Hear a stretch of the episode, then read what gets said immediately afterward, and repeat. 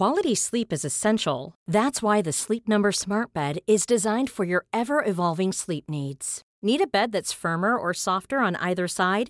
Helps you sleep at a comfortable temperature? Sleep Number Smart Beds let you individualize your comfort so you sleep better together. JD Power ranks Sleep Number number 1 in customer satisfaction with mattresses purchased in-store. And now save 40% on the Sleep Number limited edition Smart Bed for a limited time. For JD Power 2023 award information, visit jdpower.com/awards. Only at Sleep Number stores or sleepnumber.com. Ready to pop the question? The jewelers at BlueNile.com have got sparkle down to a science with beautiful lab-grown diamonds worthy of your most brilliant moments. Their lab-grown diamonds are independently graded and guaranteed identical to natural diamonds, and they're ready to ship to your door. Go to BlueNile.com and use promo code LISTEN to get $50 off your purchase of $500 or more. That's code LISTEN at BlueNile.com for $50 off. BlueNile.com code LISTEN.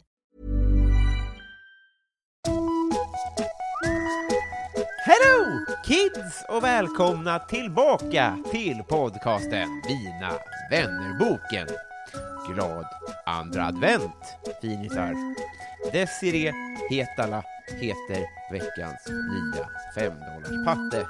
Välkommen säger vi och hon eh, verkar toppen. Gabbe som kom till oss förra veckan, jag glömde ställa din fråga eh, den här veckan. Förlåt mig, jag hatar mig själv för det www.patreon.com. Där kan man surfa in om man vill stötta det här projektet och varför inte bidra med en egen fråga. Veckans gäst hörni, är ömsom musiker, ömsom komiker. Är det så man använder uttrycket ömsom? Vet inte. Rolig som få är något han är i alla fall och något av en så kallad klähängare. Mål. Sluthållet på halster, hörni. Tänd tvenne ljus, luta eder tillbaka för att 61 sidan i Mina vännerboken Ola Aurell!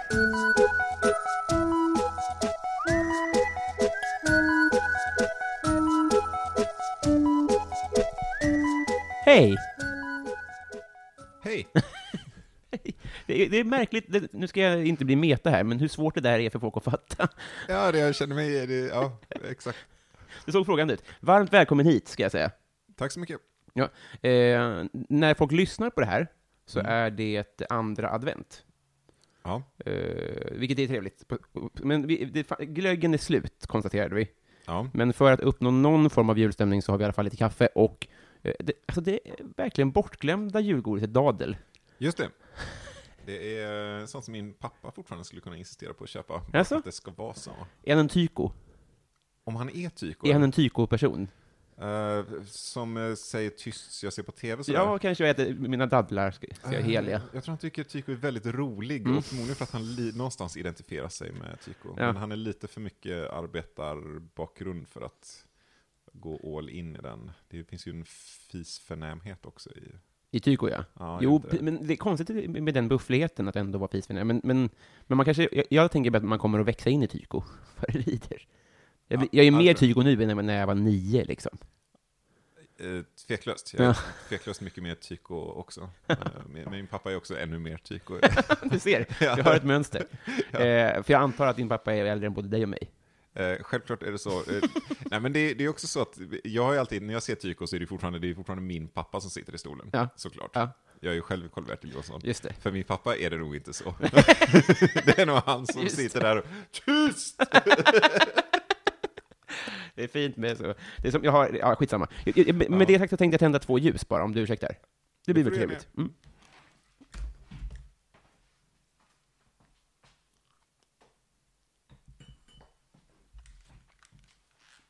Hade jag varit en nyhetsmorgonkock hade jag förberett det här, men som tur är, är jag inte det. Så. Och så, glad andra advent då, Ola. Tack så mycket. Bredvid oss sitter årets, ligger årets julklapp? Frågetecken. Ja, Du har med dig eh, eh, sällskapsspelet Quick. och kortspelet kan jag det Kortspelet, för. ja. Vill du ge en säljpitch i julhandel? Ja, det kan jag göra nu. Jag- Nu är jag lite sådär, jag har typ nästan sålt slut på min uh, första upplaga av det. Är det sant? Det är inte så akut. Nej. Ja, det har sålt bra. Det, det blir stort intresse. Och Men kan vi skapa, du, i New York så dyker det ibland upp ett bakverk som folk köar i mil för. Ja. Och det är ju bara för att det- uppstår en kö, och så tänker folk, där är en kö. Mm. Där ska jag bevisligen stå. Och jag tänker vi Ja. ska skapa den effekten här nu också, att folk ska ställa sig i kö för den här produkten. Ja, så kan det ju vara. Eh, Och sen när jag har då beställt in en massiv upplaga från Italien så har de New Yorkarna hittat något nytt att köpa. Just det, det är det ja. Du får skynda på ja, innan de upptäcker muffel eller något. Muffel. Ja, men det är oftast två ihopslagna bu- muffin och buffel eller något sånt. Ja, det kan vara ett, som ett kortspel också. Ja, just det. De har slagit ihop två kortspel. Munchkin och Shuffle. De köper allt de där New Yorken. Ja, helt okritiska. Ja, en cellpitch, det är, det är ett eh, kortspel baserat på Kvickfallet och också lite baserat på min och Isak Janssons eh, humorshow om Kvickfallet. Mm. Och målet är helt enkelt att sitta på Säter och eh, erkänna eh, brott som Mm. man blir dömd för i syfte att få mer mediciner och även prestige på avdelningen som gör att man kan eh, beställa in kanske ostkaka på rummet och sådana saker. Mm. Eh, och eh, många, alla kändisarna från, eh, från fallet, både Kvickgruppen och kritikerna finns med Ah. i det här spelet. Så man kan spela ut sin Jan Guillou och sin Hannes Råstam för att få resning och sånt. Eh, Jag, jag ska erkänna, jag, jag har lagt vantarna på ett, eh, ett exemplar redan, mm. men, men jag är nog den, tillhör den halvan av den myndiga delen av Sverige som har minst koll på Kvickfallet, Mm. ska jag villigt erkänna. Men är han, alltså så här, det, det är ju en, en, den största rättsskandalen i Sverige, typ. Jag, jag vet inte, Ja. efter, jag vet inte, Palmemordet kanske? Det är ju ingen rättsskandal på det sättet. Nej, det kanske det inte Eh, är. det- Däremot är väl Palmemordet, tror jag, pinsamt. världens dyraste polisutredning läste Ja, jag. det är. Det är inte bara Sveriges, utan det är liksom världsrekord i dyr utredning. Otroligt. Och Ja. den enda, det enda ouppklarade statschefsmordet, mordet, tror jag. Ja, kanske modern tid då. Det måste ju funnits någon Så eh, måste det vara, ja. romersk kejsare. Det ju, Allt är upplöst. jag tror det var så här 70 stycken romerska kejsare som blev mördade och sånt där. Det var så sinnessjukt många. Det var, det liksom, Och alla fick re- så här, korrekta rättegångar. Så det är alltid, du behöver inte vara orolig. hittar, hittar alltid en. Otroligt rätt arbete. Eh, Det var därför de aldrig blev självkritiska. Liksom. Vi hittar ju alltid man? Dryga böter. Ja, ja, det är typ en var fjärde år som blir mördad, men vi hittar ju alltid. Eh, men är inte eh, Thomas Quick den eh, pedofil som har varit närmast sommarprat?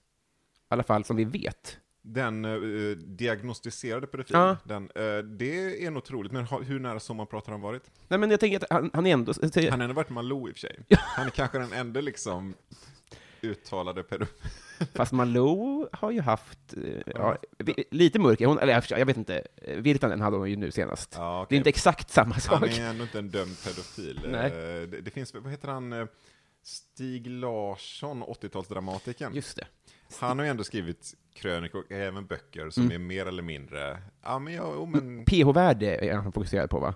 Var det inte så? PH-värde. Jag tror att han fick väldigt mycket kritik för att han recenserade 14-åriga flickors PH-värde i underlivet. Typ. På allvar recenserade alltså? Ja, ja. eller liksom jämförde vad som var... Eh, något sånt. För att det hade med ålder att göra? Eller? Ja, precis. Ja. Och så, det är mycket möjligt att han har rätt, men det är inte så... eh, det, är, det är inte så nice, kanske. Det är mycket det att man lägger vikt det. Är mycket det som är... Precis. Var, ja, det kanske stämmer, men varför har du... skriver du här på kolumnplats? Recensera folk i liksom hur ljus deras hy är. Exakt, Jo, alltså, ja, du, har prickat nyanserna. Fläckfri skala du har gjort, men du har liksom ägnat ditt liv åt att gradera folk. Du lever i en värld där rätt är bra. Eller så här, korrekt är bra. Uh, Men, men visst är det så att han är... eh, För, för när det här uppdagades, var det, jag vet inte, är det fyra, fem år sedan som det här var som, liksom, ja, det gick ju under ganska lång tid. Jag nu kommer inte ihåg om det var kanske redan 2008 som det här Hannes Råstam började skriva. Alltså det är några år Okej, sedan nu. mm. Men sen var det en process där han fick resning och det han ges ut fler böcker. mm. Så det har pågått under flera år. Men där, det, det jag menade var väl att det, det var väl lite så att han blev lite martyr, så att säga. Ja, i allra högsta grad. Ja, men, men det ska sägas då att han är ju fullständigt vidrig. Ja, det, men på ett lite mer Svensson sätt. Det vill säga, det han är dömd för är ju att han eh, under sin under ganska tidiga år, alltså mellan så här 15 och 20 års åldern framförallt, så har han knarkat och antastat små pojkar. Och det finns ingen anledning att skyla över det. Och han har också åkt in och ut på mentalsjukhus och varit lite missfit i största allmänhet. Och kan ha säkert väldigt eh, obehagliga fantasier. Men det finns ett stort steg från det till att vara historiens värsta seriemördare. Så att, Ja, Men det, alltså rättfärdiga det glappet, ett Malou-besök, är väl nej, men det, nej, det finns ju en sån här antingen eller-grej där. Ja. Och eh, som jag också kan ha lite svårt för. Vi, vi, både i spelet och i showen så är vi ju ganska eh, hårda även mot Thomas Quick. Ja, just det. Jag vill inte vända det här emot er på något sätt. Nej, nej men det, jag tycker att det är en poäng som du har, att eh, man, bara, för att bara för att det har varit en rättsskandal så betyder det inte att han är särskilt sympatisk. Nej. Och han är i högsta grad medskyldig till den. Ja. Men man kan inte heller bara lägga all, all skuld på honom, därför att det finns jättemånga misfits och knäppisar som börjar hitta på att de är Palmes mördare, som börjar ta på sig brott för att få uppmärksamhet. Det här är, ska vara rutin liksom. Och när man då bygger upp en så stor apparat kring det så, så är det någon som har gjort något allvarligt fel. ja, just det. Och dessutom så har man ju liksom verkligen fyllt honom med droger och suttit och försökt lura i honom att hans föräldrar har våldtagit honom och sånt där utan att ha något som helst belägg för det. Så att de är inte oskyldiga de som har jobbat med det. Och det de fick ut av det var, var det lite så här att ni får inte gå på sommar förrän det här är löst? Eller får ni, provision, ni får provision? Eller vad var liksom incitamentet? Ja, det är väldigt intressant. Egentligen borde man läsa någon bok om det om man är intresserad, för det, det är superspännande. Eh, Det finns ju de som bara har ekonomisk vinning. Media var ju väldigt insyltat i det, blåsa upp det för att de kunde sälja lösnummer. Du har försvarsadvokaten Claes Borgström, tjänade väldigt mycket pengar på det. Eh, chefsåklagaren fick uppmärksamhet från att vara en sån här halvlyckad eh, ja, men du vet, åklagare i Sundsvall och sånt där, till att bli rikskänd. eh, Han fick ligga på det förmodligen, alltså han, så att säga. Alltså om han överhuvudtaget fick ligga så var det verkligen på Han grund av det här. Han är ingen, han är ingen vacker man. Men, men eh, nej, Det finns en tröskel även han har där. min alltså. frisyr så jag har rätt att säga men, nej, men det kan är Fredrik han- Ljungberg också, ska han sägas. han- Ja, det är sant. Och, och återigen, jag- alltså, varken jag eller van der Kvast är, är på den, i den ligan. Men, ehm, nej, men han blev befordrad på det och fick uppmärksamhet och det förstår man ju att man vill ha. Men det fanns också sådana krafter på Säter som eh, som investerade enormt i det här. Att man hade ju nästan en sekt, har det ju beskrivits där inne, där man tänkte att man låg i framkant i eh, psykologin och man skulle då med, med Thomas Quick som sitt så här, eh, uppvisningsskyltfönsterexemplar så skulle man då ge ut böcker och om, skriva om hela kartan för psykologi. Psykologi, Psykologi ja. nya Sigmund Freud och sådär. Så terapeuten hade enormt mycket investerat Men de trodde på det själva i alla fall. Ja, och, ja, det måste man förutsätta. Men de hade väldigt spektakulära teorier om hur um, psyket fungerar, som de då tyckte vi äntligen hittat ett starkt Ja. bevis för det här nu. Att, eh, Och ett rikskänt kanske då. ja, det, tanken var att det skulle bli världskänt, för det, var ju, det skulle ju vara en världssensation om man fick fram det här. Alltså, det var ju väldigt stora idéer om, om förträngda minnen och, och sexbrott som då sen leder till att man begår, omedvetet begår brott i form av en annan personlighet. Alltså allt sånt där som man har sett på film som känns ganska lökigt nu för tiden. Trodde de på väldigt bokstavligt. Och gör fortfarande då. Jag antar att de fortfarande tror på den. Några av dem, någon, hon som var liksom sektledaren har ju hunnit dö. Och hon som var huvudterapeuten där har hållit väldigt låg profil, så jag vet inte hur hon förhåller sig. Jag, jag, man får ändå ha en viss empati att det är flera människors livsverk som har blivit förstörda. Ja. Och de har fått ett dåligt namn för all framtid och så. så det, det, det Många man av dem har ju så knasiga namn också. Ja, det är också något vi skojar lite om. Ja. Ja, det är mycket, van der Kvast är ju paradexempel, men det finns... det finns Gubb, ja, är det inte... ja, Gubb-Jan också, han är också bra. Det är helt crazy. Eh, jag ska bara byta ämne helt eh, Oh ja. kort här. Eh, du är, alltså, det här kanske låter lite oförskämt, Mm. men jag vet ju inte hur riktigt hur mycket komiker du är kontra musiker. Alltså vi ses ju bara i humorkretsar, Ja, och sen vet jag att du ibland är ute med, med annat löst folk. ja. I procent, hur, ser du, hur, hur, hur placerar du dig själv i de här två världarna?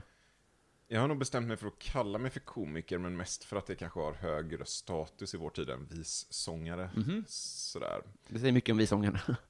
Äh, du tycker komiker har låg status? Ja, eller det beror på såklart, i vilka sammanhang. Ja, jag tror många grupper faktiskt har, har ganska dåligt självförtroende gentemot komiker. Jag tror det finns många skådisar och Jo, men det är sant när du som säger det. känner att fan, ja, det finns teatrar som försöker få det att det här är typ en stand-up och så är det bara någon så här, ska man skådis gör en monolog. Ja, jag ryser. Ja. sluta med det. Ja, men, och, så att du har i någon mån val- valt sida på visitkortet alltså? Ja, alltså det är lite vem som frågar faktiskt, för att jag kallar, jag kallar mig så här sjungande komiker ofta, Mm. men jag är just tekniskt sett tror jag att jag är större som vissångare än komiker, bara för att den världen ändå är så liten, om Mm. man bortser från de liksom, folk som bara är kända musiker. Lars Winnerbäck är ju någonstans vissångare från början, men ingen räknar ju honom till Nej, just det. visdiktarna på det För sättet. att det är arena rock nu. Ja, Mm. precis. Så nej, jag, jag vet inte, jag, jag tänker jag tänker komiker, men det är inte så viktigt. Jag är inte så bra på musik heller. Jag är väl bra på att skriva texter. Hur, gör- hur, hur skiljer det sig, skulle du säga, mot att skriva stand-up? Alltså roliga sånger? Alltså om jag ska vara lite hård mot mig själv så behöver inte själva skämten vara lika roliga. Mm. Men det är, det är andra hantverkskrav på det. Mm. Men det kommer en punch i refrängen, eller? Uh, en ja, vändning? någonting måste ju bli roligt. eh, men, men det behöver inte vara så originellt i och med att, i och med att det, det finns en humor i, i att det rimmar, det finns en humor i att det sjungs. Mm. Ehm, och det finns också när, när man jobbar med, man jobbar ju mer med liksom rytm och koncentration och sådär. Så att ehm, det, det, det blir kul. Det, blir något, det finns något i hantverket som lyfter, lyfter upp humorn i det. Det finns en elegans i det. Mm. Så det behöver inte, det behöver inte vara en sån här superoriginell eh, premiss för att det ändå ska kännas som att någon faktiskt, faktiskt har lagt ner lite jobb på det. Nej. Men när jag konsumerar eh, stand-up hemma, Ja. framför tvn eller via eh, Spotify eller sånt där, så är det ju publik. Ja, Dina låtar är ju ibland studio... ja det är det. Och jag, jag, inte det orättvist?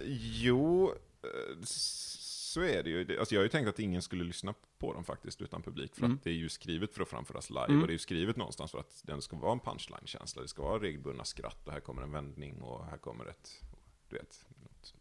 Men eh, några lyssnar ju ändå på det. Oh ja. Ja, så jag, det är, en- Spotify är nästan det som går bäst för mig, så att jag har någon slags publik där. Jag, jag vet inte riktigt hur det funkar. Det stor del är jag, kan jag avslöja, om- Ja, av dina streams. ja. Men har du gjort en liveskiva?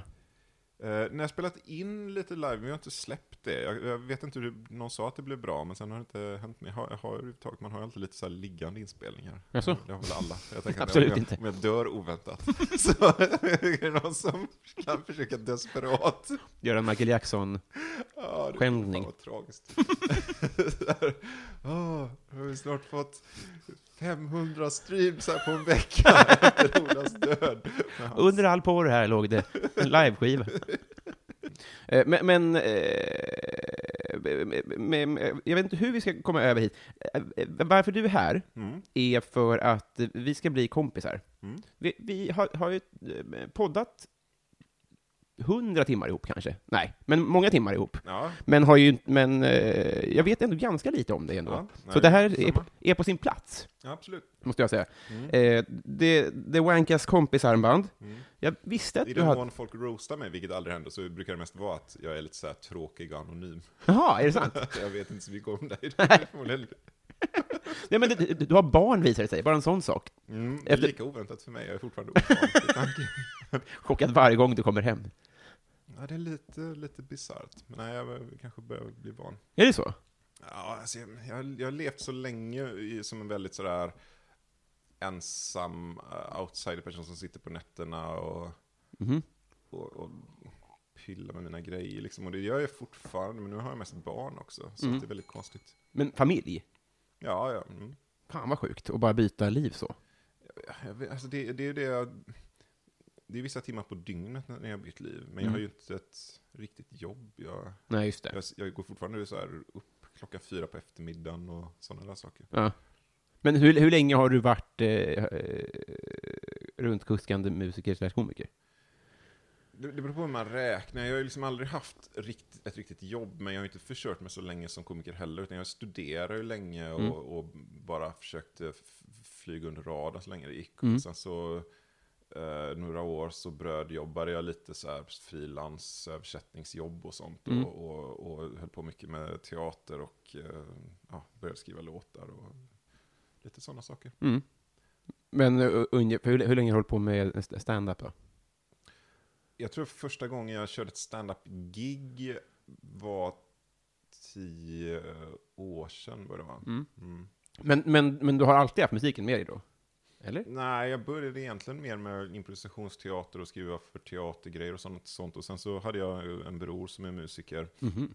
som till skillnad från jag kan spela. Ja, trevligt. Och sen är en kompis som höll på, så då var det lite sådär efter ett tag, ja, men jag skulle testa att göra låtar. Jag tyckte om att skriva låttexter, jag hade testat, testat det lite. Eh, Så då lärde jag mig hjälpligt att spela gitarr och eh, låtsades sjunga. Det du har som andra komiker, eller det är bara Peter Wahlbeck som har det, är att folk kan skrika klassiker som de vill att du ska köra, antar jag. Ja, och det, det där är ju apropå den här skillnaden, jag kör ju gig som musiker också. Mm. Jag kan ju åka ut på turné och eh, det kan vara ja, men du vet, stående publik eller Mm. helt andra förutsättningar. Sjukaste jag hört. Ja, men, alltså, det- nej, men, det, men där det mest består av att ja, nu spela dina kända låtar som vi kan så får Ja. du få sjunga med. Just det. Alltså det är ju det är inte det typiska gigget för mig, det typiska är att ingen har hört mig, men, men de giggen finns. Ja, just det.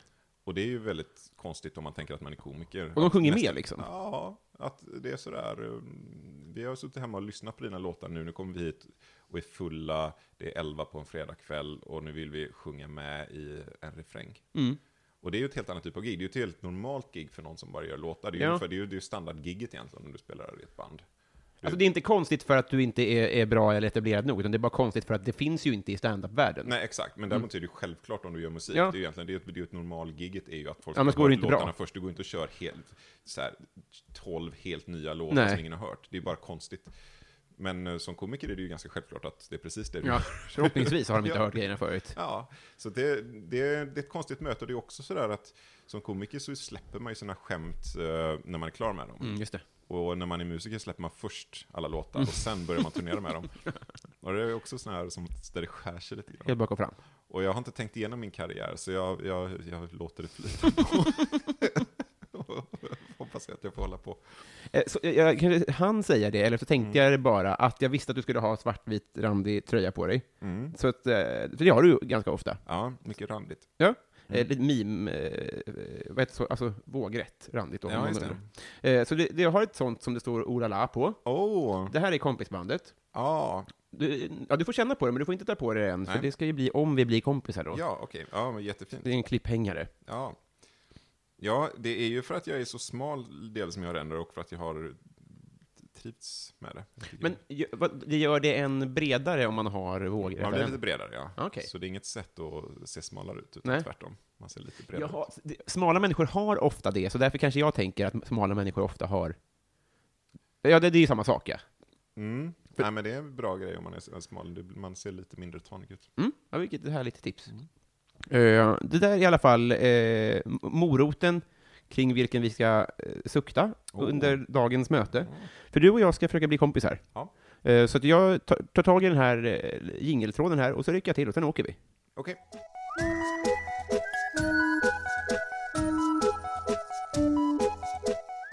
Så, Ola, Ja.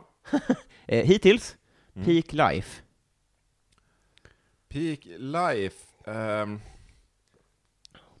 men eh, jag- det kan jag inte berätta. Inte det? Oj, nu, nu har du Jag skapat hade en en bra nyfiken. dag 2016. Alltså det? Ja. Får vi, eh, jag vet inte, eh, vad fan heter det? Ja, uppåt-tjack, kanske? nej, nej, men det var... mm, nej, men allting kändes bra den dagen, men det var nog sån här sammanfattning att jag ty- tyckte jag hade koll på grejer och så, och så gjorde jag en bra show med min eh, första show som heter Skola Aurell Mm. och så ehm, fick jag reda på att jag skulle vara på Allsång på Skansen. Ja, och just så, det. Mm. ehm, nej, men det var liksom... Det beskedet kom den dagen, liksom. Ja, men det, var, men det var liksom några grejer till samma dag, Mm. så att det kändes som att nej, men det här är nog faktiskt min, min bästa dag någonsin, kände jag då. Och det, det är inte så ofta man har en sån, eh, att man vet i nuet att Nej, just det. Och eh, Men är det så- sånt som man st- strävar efter att upp- uppleva fler, eller känner man nu, nu dippar det, nu är livet på väg neråt efter det här? Jag tror att det är väldigt konstigt att jaga perfekta ögonblick på det sättet. Mm. Det, det är inte så jag Lägger upp din dag? jobbar. Nej. Eh, det, det finns ju för och nackdelar. Jag, jag känner ju att jag börjar bli medelålders på ett sätt, och det är ganska gött på många sätt. Mhm. Men det är ju, man får ju ta det goda med det onda. Mm.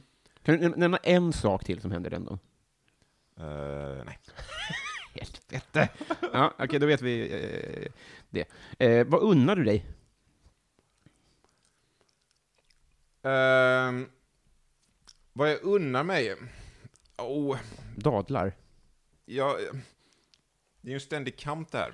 För att just nu jobbar jag med mitt datorspelsmissbruk. Jaha, ja, ja. Mm. Och jag har en tendens att unna mig väldigt mycket sån, saker som bara tar tid.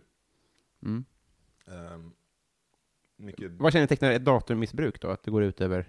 Mm, Att man, ja, det, ja, jag vet inte vad som är gränsen för ett missbruk. Det är som att fråga en alkoholist. Men jag antar att det är när, när man upplever själv att det här, det här är, är skadligt, det är inte värt det liksom. Sen kan det ju vara en hobby om man bara spelar åtta timmar om dagen och tycker att det är schysst. Ja. ja. Ja, men precis. Ja, men det är sådär. Ja, men jag, har, jag har respekt för folk som tycker att, nej, men att, att supa det är min hobby, det är det jag vill ägna varje kväll åt. Men jag, jag vill ha mitt liv så. Kommer inte att förstöra det. Men om man själv känner att, nej men det här är ju värdelöst. Mm. Man börjar spela tråkiga spel och eh, slutar äta. Mm, just det. Så du unnar dig lite för mycket datorspel då? Uh, undrar mig, eh, ja, i per- period, men just nu så har jag ju en vit period, så då kan jag inte säga att jag gör det. Mm. Jag unnar mig traditionellt sett eh, rätt mycket godis, Mm. för att jag går inte upp i vikt. Nej, det är så. Mm. Mm. Så att då måste, jag, då måste det finnas andra grejer, att jag blir trött eller att jag får dåliga tänder. Ja, just jag, det. jag är inte så... kan Jag får också lite så här, lite, det behöver inte vara tjockisångest, men jag känner mig också bara sopig efter en viss, efter en viss, viss mängd godis. Kan har det bara med att göra att jag går upp i vikt kanske då? Känner du igen det i det? Nej, nej, jag, känner, jag, jag mår dåligt av godis. Så det, alltså Mm. det, det, det är allmänt så här trötthet och blaskighet. Mm. Och, Självhat kanske? ja. Så, men, eh, vad- men vad unnar jag, jag unnar mig väldigt mycket sånt dålig dygnsrytm, ett av mina klassiska problem. Mm. Alltså vrida på dygnet svin mycket så att man börjar gå och lägga sig klockan 10 på morgonen eller gå upp 11 på kvällen eller gå upp ett på natten. Alltså sådana helt konstiga grejer som bara varvar runt och då man blir trött och sliten. Det känns som att det är lätt hänt när man dels har ett datorspelsintresse och dels ett, ett, ett nattliga gig, så att säga. Ja, dels nattliga gig, dels datorspelsintresse, dels um, ett ganska fritt jobb ofta. Mm. Där man vet att vad man har vissa grejer som ska göras nästa vecka, man vet inte när eller hur. Och, och man kanske har de fasta tiderna som finns i två timmar per dag. Eller något. Ja, just det. Så att, eh, ja, men jag har alltid haft det problemet. Eh, Vad kan man unna sig mer? Jag- Bakelser har jag en så stor period när jag Mm. åt nästan så här dagligen. Ja, trevligt. Bakelser. En väldigt sånt. Jag dricker väldigt lite alkohol, jag är en sån oerhört tant... eh, Jag får så mycket tantkritik på mig för det, men jag är väldigt dålig man går på något... jag- vill inte, jag tar ju inte en, en öl efter gig, eller det är inget som jag längtar efter. Nej. Men däremot så kan jag verkligen längta efter en bra bak. Är det Så sant? Eller man kommer till en liten ort, så här, man kommer till Sundsvall, så sådär. det är inte sådär, ja vad har de för ölställe? Nej. Utan det är mer såhär, har de något konditori? Men då måste du Så- rigga då om du ska kunna få det efter gigget, för det har ju inte öppet så ofta. Nej, alltså det, det, det, socker kan man ju få. Jo, det är jag, sant. Jag, jag odlar ju ingen sån här superexklusiv bakelseätande, men jag skulle kunna göra det. När jag hade Mm. min riktiga bakelseperiod så var jag ju sådär, liksom, varför finns inte de här ställena där man kan betala 150 kronor för en bakelse och få något lite speciellt liksom? Jag skulle lätt... För att kundgruppen är du. Ja, men jag tänker ändå, det är ändå Stockholm, det är ändå folk som är beredda att betala 200 kronor för en speciell öl Mm. till exempel. Jo. En bakelse är ju, det är ju två öl, en bakelse ju i mat och, och tillverkning. Ja. Varför finns inte den? För, för menar, du, kan ju inte, du kan ju gå till exklusiva så här, det här är en rant som har noll bäring, det är som, det finns ingen igenkänning det här. Du kan gå till Östermalm, till de dyra ställena, Mm. du kanske kommer, bara kommer upp i 70 kronor för en bakelse där liksom. Vansinne alltså. Ja, alltså, de har ju råd att betala. Men vill du ha en tårtbit eller vill du ha att det är gjort speciellt för dig? Alltså styckad? Alltså så en... Är det det som är en bakelse? Äh, det, det är vilket som, jag, Ja. jag, är inte, jag är inte noga. Måste bara vara dyrt. Ja, alltså, men att man anstränger sig lite. Mm. Det finns ju bra ställen, men det är förvånansvärt underexploaterat. Det kan vara att det, är för mycket socker för att gå hem hos... Så kan det nog vara, ja. Det ligger otränigt i tiden på något sätt. Mm. Det är så Oatly-tider. Ja, mm, lite är det så. Det, finns, det är ju en anledning till att det är så mycket bara prinsess och Budapest, men det finns ju ändå en massa bagerier som säljer eh, de här fabrikbullar och så. Mhm. Det är inte som att det inte, sa, att det inte finns några dyra kolhydrater där ute. Nej. Men dyra bakelser är fan en underexploaterad genre. Vi slänger ut en fråga då till Stockholmsnatten, om det är någon eh, riktig sån... eh, Jag tänker mig något sånt lite sånt, ett, ett tantafikus. Kanske så här lussekatter, vad heter de här... Vetekatten. Vetekatten och sånt, ja. Ja, för, för all del, du kan betala mycket för en bakelse som kaffe, men du har ingen sån här, det här är vårt premiumsortiment, det här, det här är liksom bara, det här är bara Längst ner på menyn. skryt, och hit går du för att du har liksom pengar att lägga på bakelser. Det, det, hit har du inte familjen och fika, det här är fan... Det är jävligt kul. Okej, eh, vad är det ondaste du har haft? Fysiskt. Du får tolka fritt. Ehm. Alltså, jag vet inte om jag har haft så jä- jäkla ont. Alltså jag har mått dåligt eh, psykiskt. Jag mådde egentligen dåligt stora delar av min 20-års, liksom den perioden där, Mhm. eh, 18 till 28 och sånt där. Jag så här, eh, kne, var konstig, jag var konstig liksom. Mhm. Och en del av det var nog så här, återkommande depressioner och sånt. Men någonstans så trivdes jag rätt bra med mina depressioner. Det var Mhm. sådär, eh, det är mest att det, det blev så ansträngande i längden att gå runt och vara konstig. Vad menar du med att du trivdes? Det är något, om man mår dåligt så lever man också i nuet, för man orkar inte ta, ta, ta itu med sin framtid. Just det. Så man kan gå runt, jag ska bara härda ut den här natten, Mm. och så stryker man bara runt på stan, man lyssnar på musik, man köper godis bara för att tämja sitt humör. Så det är Mm. lite som att man är på jävligt gott humör, fast man gör det för att man är så dåligt. Så det är väldigt likt att vara inne i en sån där total, liksom bara, livet leker, det här är bästa dagen, jag ska bara köpa glass, jag är på semester, Ja. skit i vad som händer nästa vecka, nu ska vi bara leva livet på Mallis liksom. Fast istället mår du bara så dåligt att, Ja. att nej, men jag, jag kan inte fokusera på någonting, jag bara mår så dåligt, jag behöver bara, jag behöver bara sätta mig och kolla på den här filmen nu, bara äta någonting, bara ge mig själv det jag behöver. Så att det finns något jävligt gött i det livet. Alltså jag har aldrig mått så, men jag har ju varit förkyld. Ja, Eh, det, Alla jämförelser i övrigt. Men då Mm. kan jag uppleva att man säger, men jag kan bara äta len mat, jag kan bara titta på tecknat, alltså vet jag tycker väldigt synd om mig själv. Att man Ja. anpassar livet lite grann, och det kan ju göra att det är ganska trevligt liksom. Ja, det kan ju vara gött att vara bakfull på samma sätt. Mm. Men jag menar, ja, men det finns olika sätt. eh, Alltså, man kan ju också ha en sån här... Man kan må dåligt på att man har en ganska stark ångest som kan vara ganska sådär... Att hjärnan bara rusar liksom, så Mm. sprakar massa tankar och man är sådär tvungen att vara kreativ för man har så mycket känslor i sig. Speciellt när man är ung och mår dåligt så kan man ju verkligen vara sådär att allting känns så jäkla viktigt och här och nu och... Ja, men gör inte det att ångesten blir mer dramatisk då? Jo men, man, jo, men livet blir lite mer dramatiskt av att man har den där ångesten, att, att man inte... Alltså jag kan ju sakna det nu, det är väl bara en sån här medelålders grej, men det är något lite torftigt när man sitter med sitt barn i soffan och så är det lite mysigt. Mm.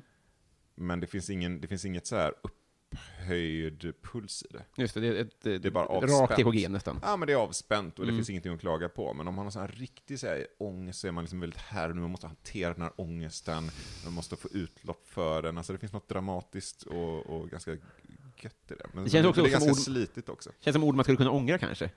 Alltså om man, om man, om man kommer tillbaks till dåliga, så att Ja, säga. men, ja, men jag, skulle, jag skulle ju inte byta till med det på det sättet. Nej. Men det är ju ändå en slags ungdomsfas som jag kan tycka är liksom bortslösad i sak. Mm. Jag hade hellre gjort något vettigare på den tiden. Mm.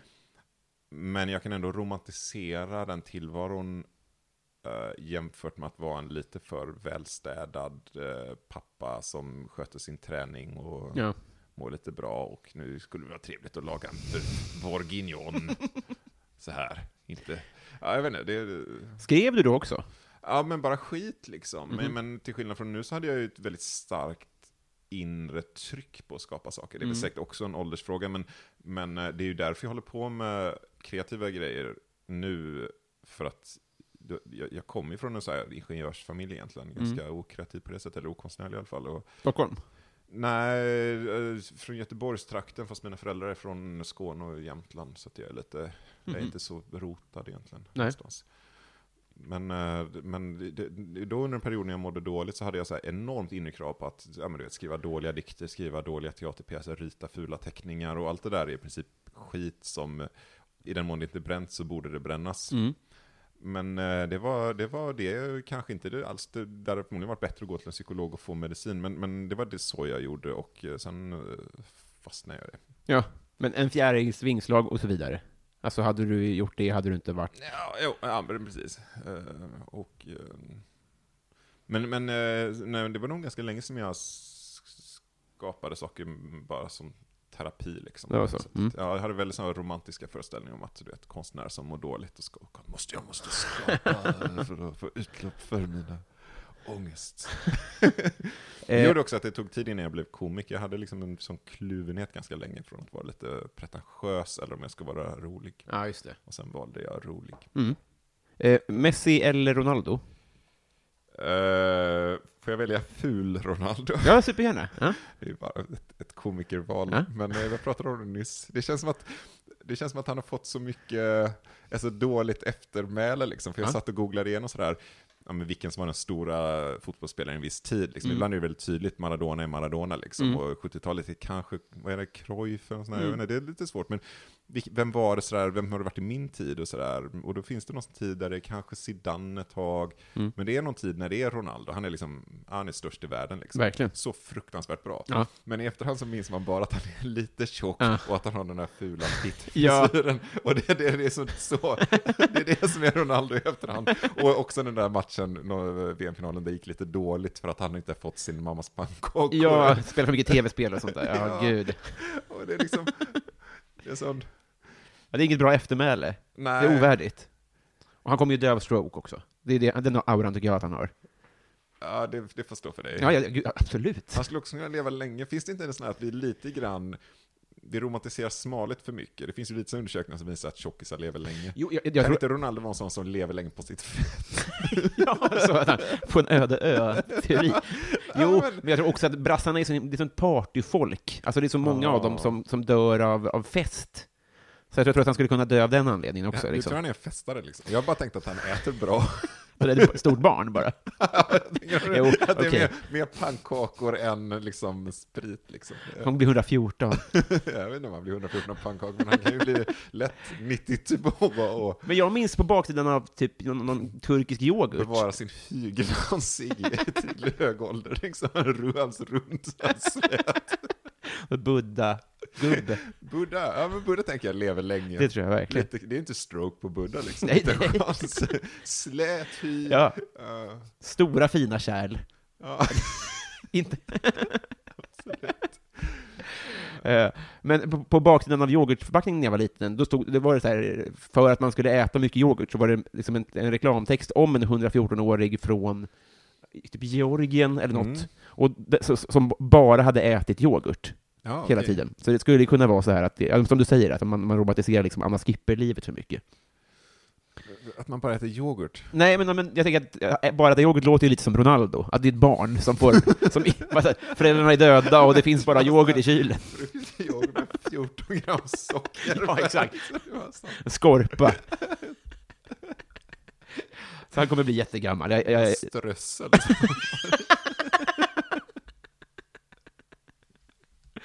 Verkligen.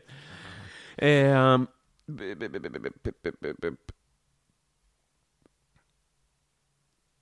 vad skulle du göra med en skattad miljon?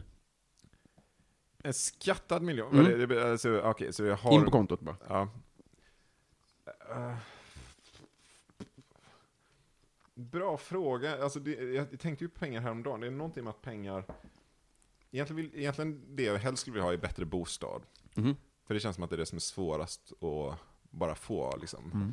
Eh, Det mest, mesta är ganska billigt, men bostäder är verkligen svindyrt. Mm. Och det spelar ganska stor roll om man skulle bo i en dubbelt så stor lägenhet i Stockholm. Men en miljon är ganska lite där, Mm. sjukt nog.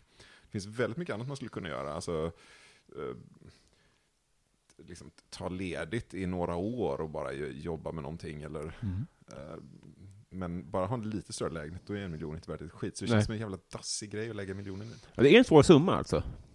Vadå? Det är inte en självklar summa så Nej. att man kan luta sig tillbaks på något sätt. Nej, hade det varit liksom, vad skulle jag göra för 10 miljoner så Mm. lätt liksom, ja, bättre boende, investera i boende. Och även 10 lax tycker jag är lättare att svara på av den anledningen. Ja, ja det, det kan det vara. Alltså, men jag, jag kände just det där att fast jag, det är inte så mycket jag, jag saknar inte pengar så mycket. Jag är inte rik, men det är inte sådär som att fan om jag bara hade pengar skulle jag göra det här och det här och det här. Utan jag, jag tycker att de mesta grejerna kan man göra billiga versioner av. Jag menar om jag vill ha, det skulle vara kul att ha snygga kostymer, då kan jag väl köpa billiga, roliga Mm. kostymer då.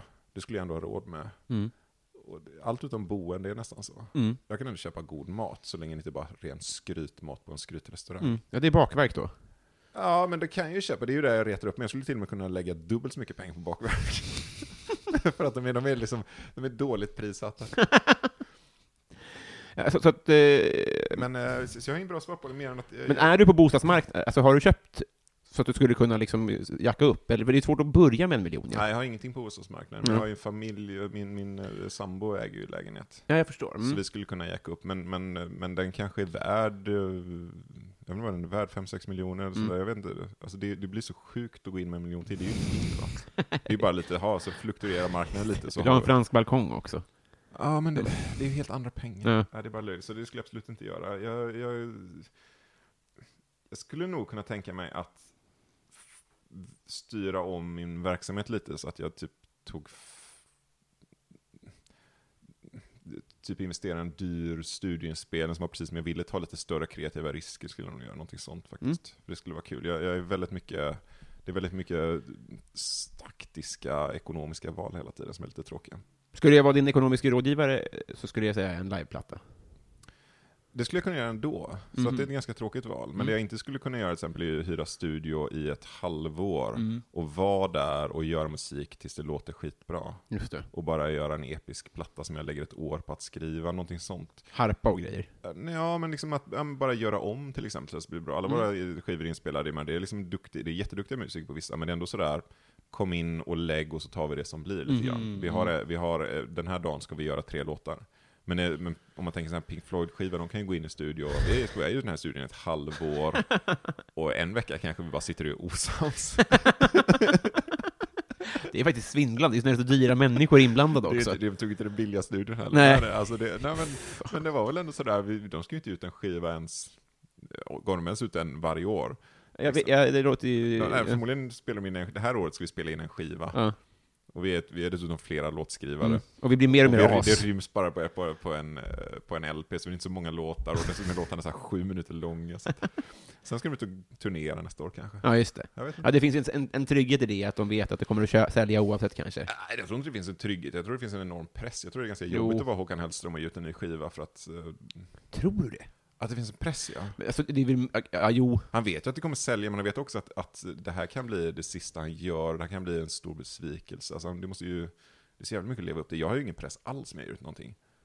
Nej, kanske det inte har. Nej. Men om Håkan som exempel, när det finns en, någon form av stående hype, där det, kom, det kommer ju bli Ja. fem plus. Jo, fast alltså, det känns För gör han någonting konstigt så är det bra. Men tror du att han känner så? Jag tror han känner en enorm press. Jag tror att alla sådana gör det. Jag tror Avtrubbad också. Först, alltså andra vissa, skivan kanske. Jag tänker, tänker mig vissa som har bara pumpat ur. Jag tänker mig att Magnus Uggla känner ingen press, för han har blivit sågad så många gånger, och han är nog lite trött på, på sig själv. Han bara tycker, ja men nu fick jag i alla fall en idé till en skiva, jag Mm. gör den. Men Håkan Hellström tror jag finns en press att leva upp till sin, sina glansdagar och sådär. tänker på Uggla ibland, hans, eh, hans eh, olika klassresor han tar ibland. Han, liksom var, sen- för han, han hette väl typ Aff Ugglas först.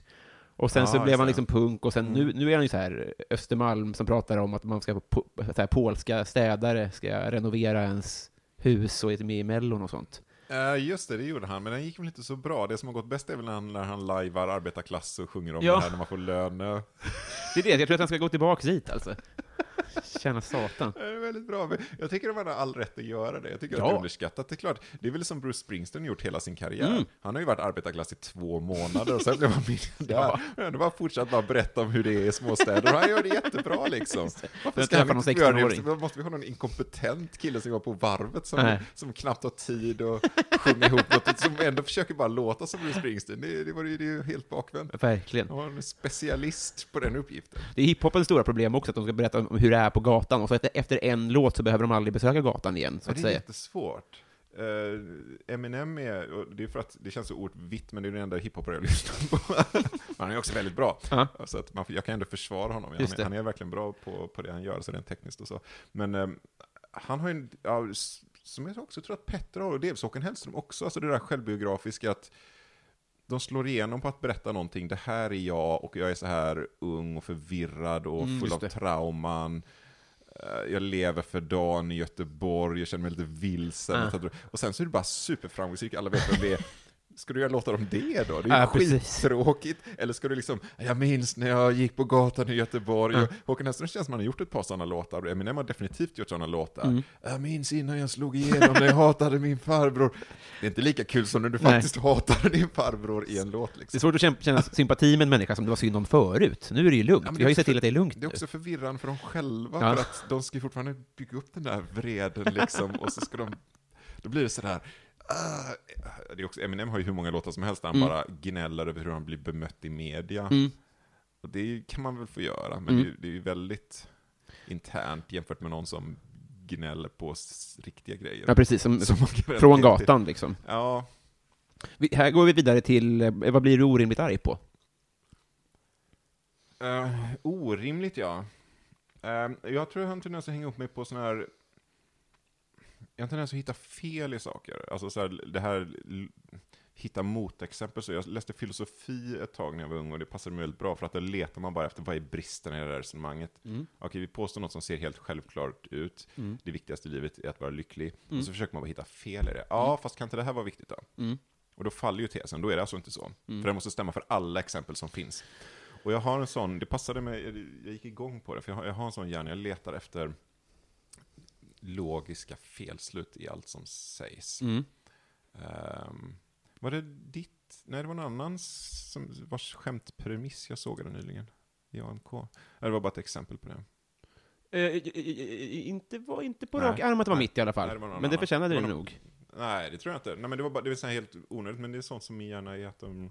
Men, men, och det orimliga i är, det- är att din hjärna sätter igång liksom. Nej, men orimligt är att jag blir irriterad över saker. mm, Alltså, på vägen hit så läste jag någon som är lite på Facebook, det är en, det är en sån här med som sprids ett tag, det är ett uh, Kurt Vonnegut-citat som går ut på att man ska satsa på konst liksom. För Mm. att eh, du, du, det är inte bara så att du kan tjäna pengar på det eventuellt, utan du, du kommer skapa något som ger ditt liv eh, en, en mening, uh, sjung i duschen, dansa, gör bara, bara kreativ liksom. Mm. Så, så att, för du kommer att ha gjort någonting stort med ditt liv, du kommer att ha skapat någonting. Mm. Och jag börjar bara tänka så här, men vad fan liksom, Steve Jobs, har inte han skapat Ja. någonting? Du startar Facebook, ska du säga till barn, starta inte Facebook, stå i kön till Idol. Sådär. Då känner du att du har Ja, skapat det. något och du rättfärdigar, det är liksom så jävla bullshit-citat. och jag tror jag kan känna så för, för allt, liksom, för Ja. varenda så här löpsedel, varenda så här debattinlägg. Jag går igång genast och bara så här hitta, ja, fast stämmer det verkligen? Mm. Exakt vad menar du med det här? Vadå människor är lika värda? Vad menar du då i, i, i? Men det måste vara ganska jobbigt då, för jag, jag tänker mig, jag jag vet inte om det säger något om vår tid, men att vi, vi vill ju så himla gärna ha genvägar till... Alltså man vill ju ha de här korta svaren. Mm. Alltså, det- när det står på en bok så här, äh, när det finns en podd som heter Framgångspodden, när det finns en bok som heter eh, någonting med idioter, så vill man ha svar på vad det är, så att jag själv kan undvika det på lättast sätt. Alltså man, så att man vill liksom ha, förstår du vad jag menar? Mm. Eh, Och då tänker jag att då måste det, då måste det vara väldigt jobbigt för dig hela tiden att slå hål på de här platta människorna som konsumerar sånt här. Ja, men jag har nog mått ganska dåligt mm, av det i, perioder också. Ehm, jag, jag kan också vara sån som faktiskt undviker uh, medier och eh, Facebook rätt mycket. För att jag, alltså, jag är mycket Facebook-vän, men jag har också mycket Facebook-vänner som de är inte nära vänner, för det, det har man ju som komiker och sådär. Mm. Så jag tycker de är jättetrevliga människor, men jag är inte nödvändigtvis intresserad av deras eh, eh, existentiella eller politiska insikter. Och, sådär.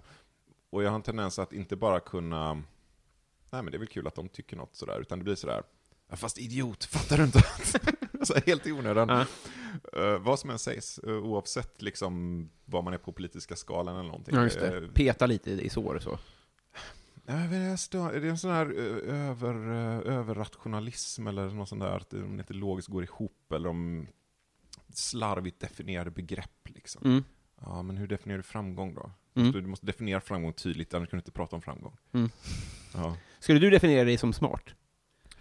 Ehm, det, det är ju definitionsfråga. Ja, exakt. Eh, jag i allmänhet tror jag, alltså det är en del av min identitet sådär, men inte Mm. om man jämför med folk som är smarta på riktigt. Nej. förstås. Men jag är tillräckligt smart för att, för att fatta att det finns riktigt smarta människor, att jag skulle vilja vara det, men att jag inte är det. Så. Mhm.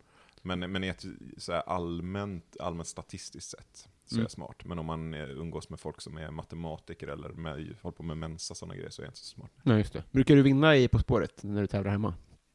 Eh, ja, om jag skulle träna hemma skulle jag vinna, men det är inte så stor utmaning. Jag, jag skulle nog vara lite försiktig med att ha smart och allmänbildad i samma Mm, kategori. jo. Det var två, Jag- två frågor. Ja, nej jag är inte superallmänbildad och jag, jag eftersträvar inte heller så mycket. Jag, jag mer, gillar mer att snöa in på saker. Mm. Eh, Jag, jag, jag kan ehm, jag kan snöa in på saker helt på måfå. Mm. Jag, jag snöade in mycket, när jag var liten snöade jag in mycket på krig. Jag kan fruktansvärt mycket om krig Mm. som jag inte har- aldrig haft någon som helst glädje av i hela mitt liv. Vad är ditt favoritkrig?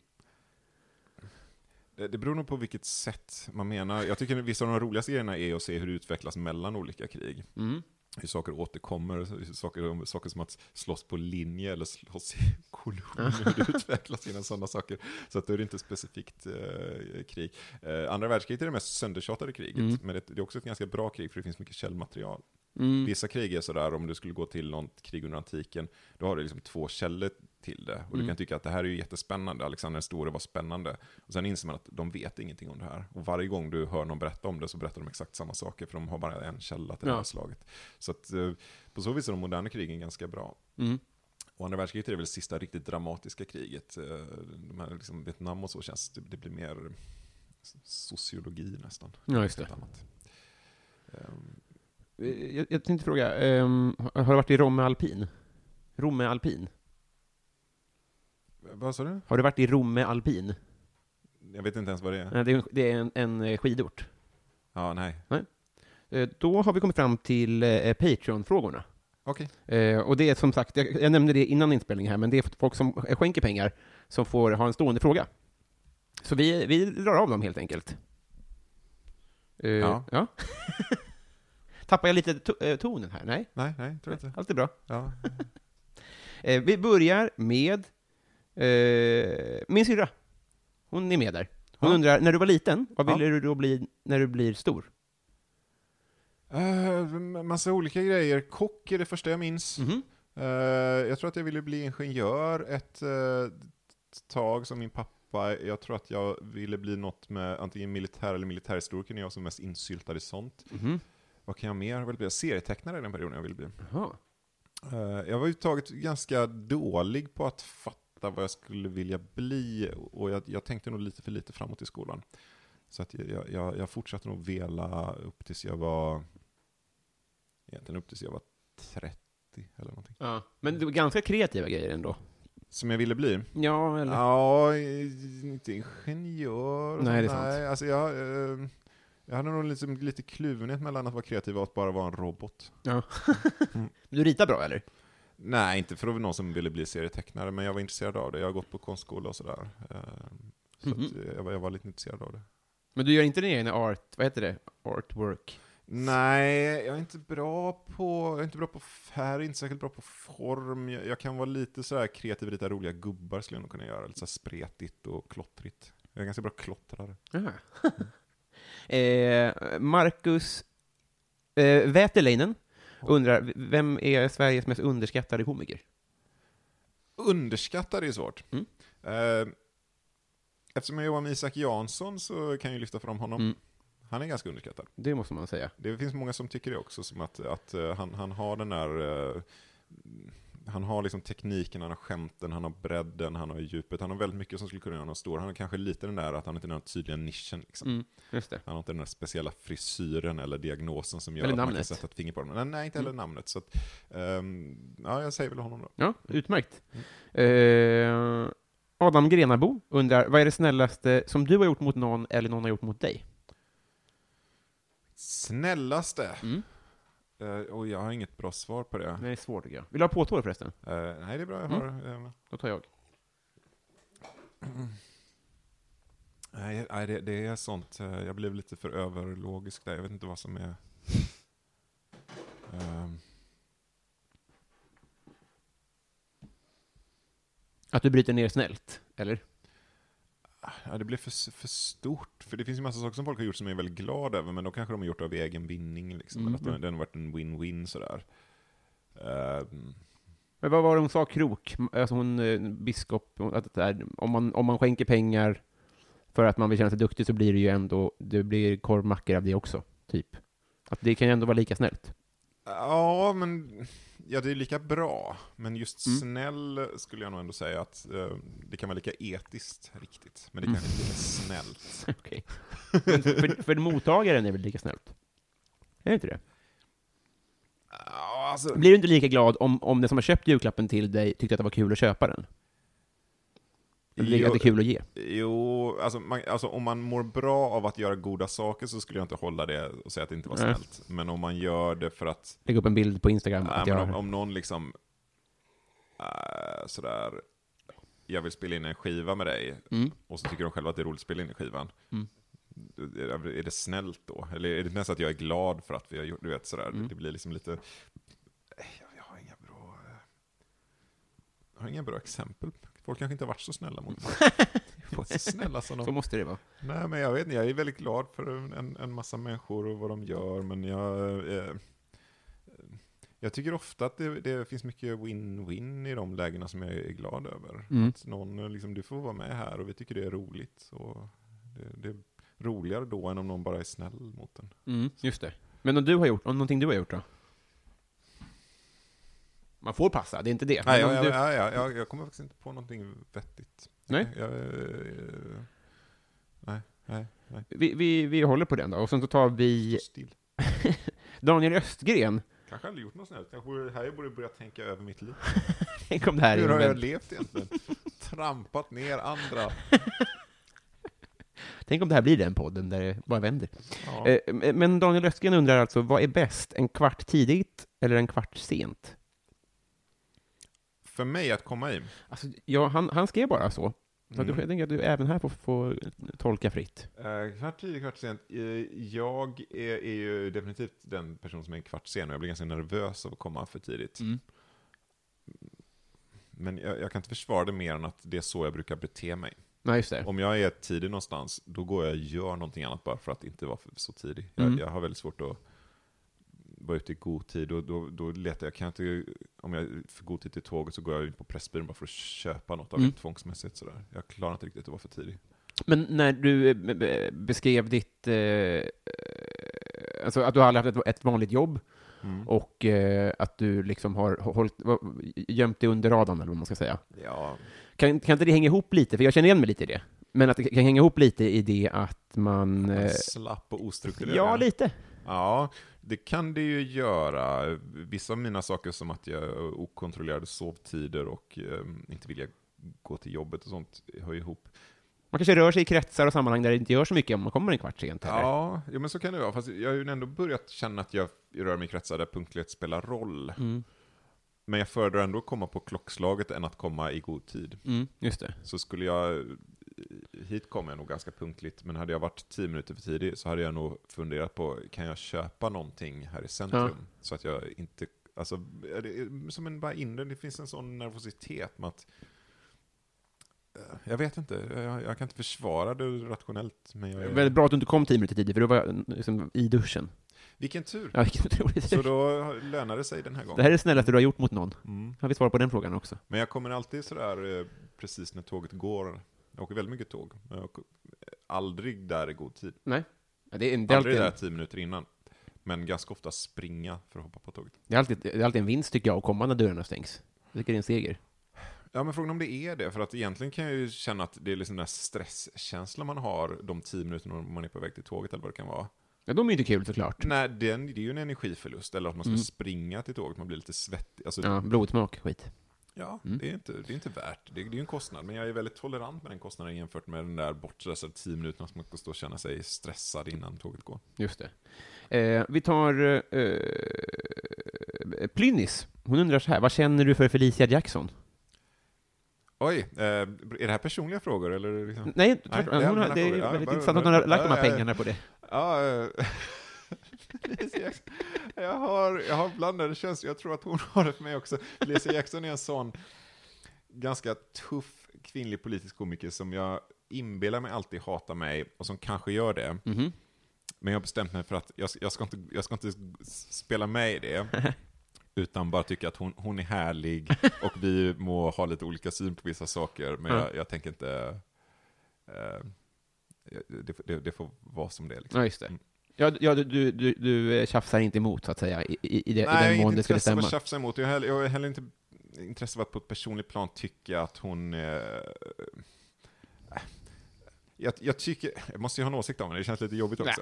Jag, jag tycker, grovt räknat tycker jag att hon har en väldigt härlig eh, utstrålning på scen, väldigt skön sådär, mm. give a fuck, bara gå upp utan material och vara väldigt Ja. rolig. Nej, men hon är väldigt rolig. Ja. Hon kanske har material, men hon är väldigt rolig Mm. oavsett om man märker att hon har material eller inte. Väldigt skön så, hon har själv sagt att hon vill ha den sköna känslan. Mm. Eh, hon är ju extremt politisk och eh, det får hon vara. Hon är, Mm. Jag tänker, hon är ung. men eh, men det, är inte, det, är inte, det är inte något som imponerar på mig. Och ibland kan jag tycka att eh, det finns en viss typ av sån väldigt så aggressiv eh, hat-vänsterretorik som jag kan tycka är jobbig om jag skulle ta den på allvar. Så jag väljer att inte ta den på allvar. Ah, jag förstår. Mm. Eh, vi tar en, en ny här som jag tycker är jävla intressant. Eh, Desi, eh, förlåt mig, Hete, Hetala, Hetala. Desi Hetala. Eh, hur blir man din kompis? Om man inte har en sån här podd? Då blir man inte min kompis. Alla dina vänner. Ja, jag tror att alla mina vänner. Ja, Jag umgås, jag umgås bara med folk Mig. som jag jobbar med. Nej, man kan ha en annan slags podd. Men jag Mm. umgås nog faktiskt med vänner som jag jobbar med på ett eller annat sätt. Och eh, med min familj eftersom jag är tvungen. Mm. Och ehm, nej, det är nog det nästan. Jag har, inga, jag har inte så här ett separat kompisgäng. Jag har inte sån här Nisse Hallberg, jag och Runken och söp. Liksom, jag har ingen. så- 90-30-tals killgäng. Det känns som att alla är från förr, så med sina smeknamn. Hinken och Bulten och... Nej, jag, Kuken. jag, jag, är inte, jag är inte så social i grund och botten och i och med att det här yrket, man ska säga, ändå blir rätt mycket träffa folk och rätt mycket så jobbkompisar som man hänger med, så jag har liksom inget stort behov av att ha kompisar runt det. Om jag får tolka eh, en del av frågan, så tänker jag, hur kommer man dig in på skinnet? Eller hur, hur, hur kommer man... Ja. Eh, eh, jag, eh, man, är, man är ganska lik mig, Mm. och sen gör man ett kreativt projekt tillsammans med mig, eller spelar brädspel, eller gör någonting sånt där, man, man gör någon, någon aktivitet tillsammans med mig. Det är väl så killar blir kompisar? Ja, det tror jag. Mm. Mm. Så jag är, nog, jag, jag är nog bara... Det, det är något, jag pratade med Marcus Johansson. Marcus Johansson är förut en av de som jag skulle säga är min kompis, som jag ändå Mm. hängt utan att vi gör någonting just då. Men det är ju Mm. för att vi har jobbat tillsammans ändå, någonstans. Så sådana kompisar har jag några. Och vi pratar mycket om det här liksom, eh, Asperger försökte diagnostisera oss själva sådär. Jag vet inte, jag, det känns inte som att det är så viktigt, men vi pratar just om, om, om Asperger autism som någon slags övermanlighet på ett sätt. Mm. Men det är också sådär, jag är också väldigt omanlig, jag är liksom extremt omanlig, men jag har också vissa sådana där, Ur ett macho-perspektiv? du menar omanligheten? Ja. Ja, Mhm. ja men typ. Nu, nu, det, det, det, liksom, det, det försvann sen jag flyttade till Stockholm, men jag var alltid liksom den bögkillen Jaha. tidigare. Stockholm är bara en vanlig snubbe liksom. liksom Nej, vadå vad menar du? Så var det ju lite kul effekt. Men är man i Västergötland, när jag bodde, eller i Göteborg, liksom ändå sådär. Liksom att, ja, du menar, ja, tantkillarna liksom. Men sen är det bara Stockholm, nej, det bara, du, du bara snubben liksom. Ja, skulle aldrig slagit mig att Här får du spela Bondskurk. ja, nej, men, eh, nej, men jag är inte tuff, jag är väldigt otuff och um, gillar estetiska grejer och lite sådär. Mm. Eh, men, men, men jag är också väldigt lite överrationell och tycker att man umgås genom att göra saker och pratar inte så mycket känslor och alla de där aspiga grejerna Mm. har jag ju. Vi, vi, eh, det, det här ligger hos mig såklart, men vi ska raska på lite. Oh, ja. Här kommer en eh, Victor Bysell som undrar, favoritlåt just nu? Det är så svåra frågor. Mm. För jag tror att jag har någon, men jag har glömt. Skit, alltså jag lyssnar på mycket gamla grejer för att tramsa. Men vi kan väl säga eh, den här, eh, som inte stämmer, men uh, Björn Afzelius, eh, eh, vad heter den, Edmond Dantes 19-åriga dröm. Jaha. att lyfta fram den. Ja, varför inte? Den kommer här.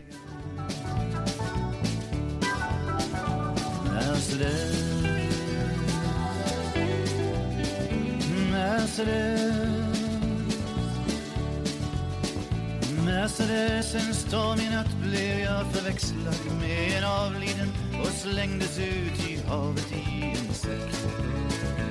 Efter dess nu är jag rik, jag har mer pengar än någon annan människa sett. Efter dess jag fann en kista på en öde plats. Jättebra. Den Ehm, är väldigt lång kan jag jo, men jag kommer klippa in nio sekunder eller något, vad, Jaså, vad jag nu får. Förlåt. Ja, ja. Ehm, vilken är din bästa låt?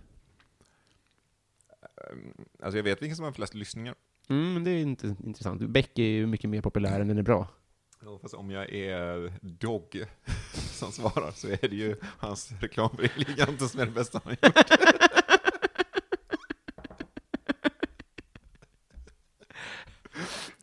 Touché. Eh, så, nej, vilken som jag, det är faktiskt väldigt svårt eh, för mig att, Mm. att uh, avgöra det. Jag, jag, jag, är ganska, jag är ganska kritisk. Jag tycker inte heller jag har någon skyldighet att tycka att det jag gör är, så jäkla bra. Jag tycker att man gör det man... Vad heter Göteborgs-låten? Eh, den är inte utgiven så den heter ingenting. Mhm. Ehm, eh, jag, jag vet faktiskt inte. Då kan jag inte klippa in den då. Men den, Nej. den ja, se dig såklart. Det, det säger sig självt.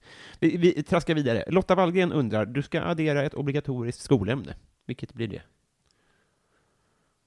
Oh, ett obligatoriskt... ehm, ah, jag, vet, jag vet knappt vad de har nu, faktiskt. Svenska, matte, Jag engelska. skulle faktiskt hellre ta bort ämnen. jag. Shoot. ta bort en massa skit. Jag vill bara ha en sån reaktionär skola där de bara lär sig riktiga saker. Ja. Att, jag, jag vet inte, jag minns som att det var för mycket skit. Jag vet inte alls vad de lär sig nu. Jag, jag, slöjd, ta bort slöjd. Ja, det- det backar jag helt. Vilket jävla skit. Ja. Alltså jag, jag kan fatta att man vill lära folk vara lite händiga, men, men man lär sig ändå inte det där. Nej. Och det blir alldeles för mycket jävla träslevar och sånt skit. För lite sätta upp eh, liksom, köksluckor och sånt, vilket hade varit bättre att kunna. Sätta upp en tavla. Exakt, man hade faktiskt kunnat lära folk saker, men, men nej. Men det är inte realistiskt heller att skolan ska göra alla de grejerna bra. Jag vet Nej, men eh, vi skippar den till att börja med, så kanske man kan lägga till lite grejer på hemkunskapen i så fall. Då. Ja, faktiskt. Ehm, Jag backar det. Vi, vi, vi, eh, vi går vidare till Ja. ja. Bove Bevonius.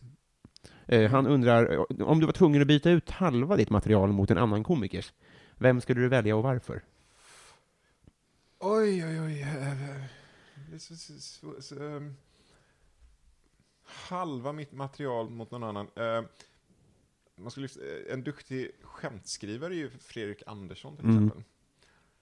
Men mitt, så, så då kanske man skulle ta det bara för att det är bra skämt på något sätt. Det finns ju folk som är så jäkla bra komiker, men där det är mycket viktigt att det är dem liksom. Mm. Som Nisse Hallberg eller Peter Wahlbeck hade ju inte velat ta deras material. Nej. Så, att det var dem. Det skulle båda förlora på, på ett du? Skulle båda förlora på kanske? Alltså om, om ni bytte material, när det handlar så mycket om personligt material. Ja, alltså de skulle väl, ja, ja, ja, ja jag, jag, tror, jag tror inte jag hade kunnat göra något vettigt av Nej. Ehm, Kristoffer Appelqvist gillar Mm. jag till exempel. Det är ett material som jag kan relatera till också, Mm. på något sätt. Skulle, det är inte allt som han gör som jag skulle kunna liksom få funka för mig, men, det finns vissa av de här långa listorna och logiska krumsprången som jag kan i ett, i ett, i ett annat i, ett annat liv så Mm. kunde jag se mig själv jobba med sådana grejer. Liksom. Ja, just det. Men skulle du göra musik av det då, eller skulle du så att säga köra det rakt av? Alltså vissa låtar drar väl lite, lite åt det hållet, men nej, nej men om vi pratar om ta material, då skulle jag göra det eh, exakt så. Men det finns, jag, jag, jag är inte så insnöad på komiker heller. Jag, jag, eh, jag är mer insnöad på folk som gör det jag gör, alltså roliga låtar. På det sättet kanske jag är mindre komiker än vad Ta jag en sa sån då. Eh, låtar, någons låtar som jag skulle göra, men jag skulle vilja göra bra låtar. Mm. Men då är det inte min genre längre. Nej men du vet, jag skulle vilja, ja, men du vet någon, någon som kan skriva bra låtar. eh, Paul Simon, Mm. fast när han gjorde det. Just det. Och tjäna jättemycket pengar. Nej, nej faktum är att jag inte bryr mig så mycket om pengar, men det är coolt att, det är coolt att skryta. Ja. Ja. Det var jättebra. Eh, Martin Lundberg har två frågor. Han undrar dels onödigaste köp. Uh, onö- ja, det, det, det finns mycket konkurrens. Jag är ju lite, jag är inte så att jag är så här manodepressiv, men jag har ändå en viss känsla av att vad gött att bara gå i affären och bränna pengar på Ja. någonting när jag verkligen inte behöver det. Jag har nog köpt så oerhörd eh, mycket skit, men vad, vad skulle det onödigaste vara?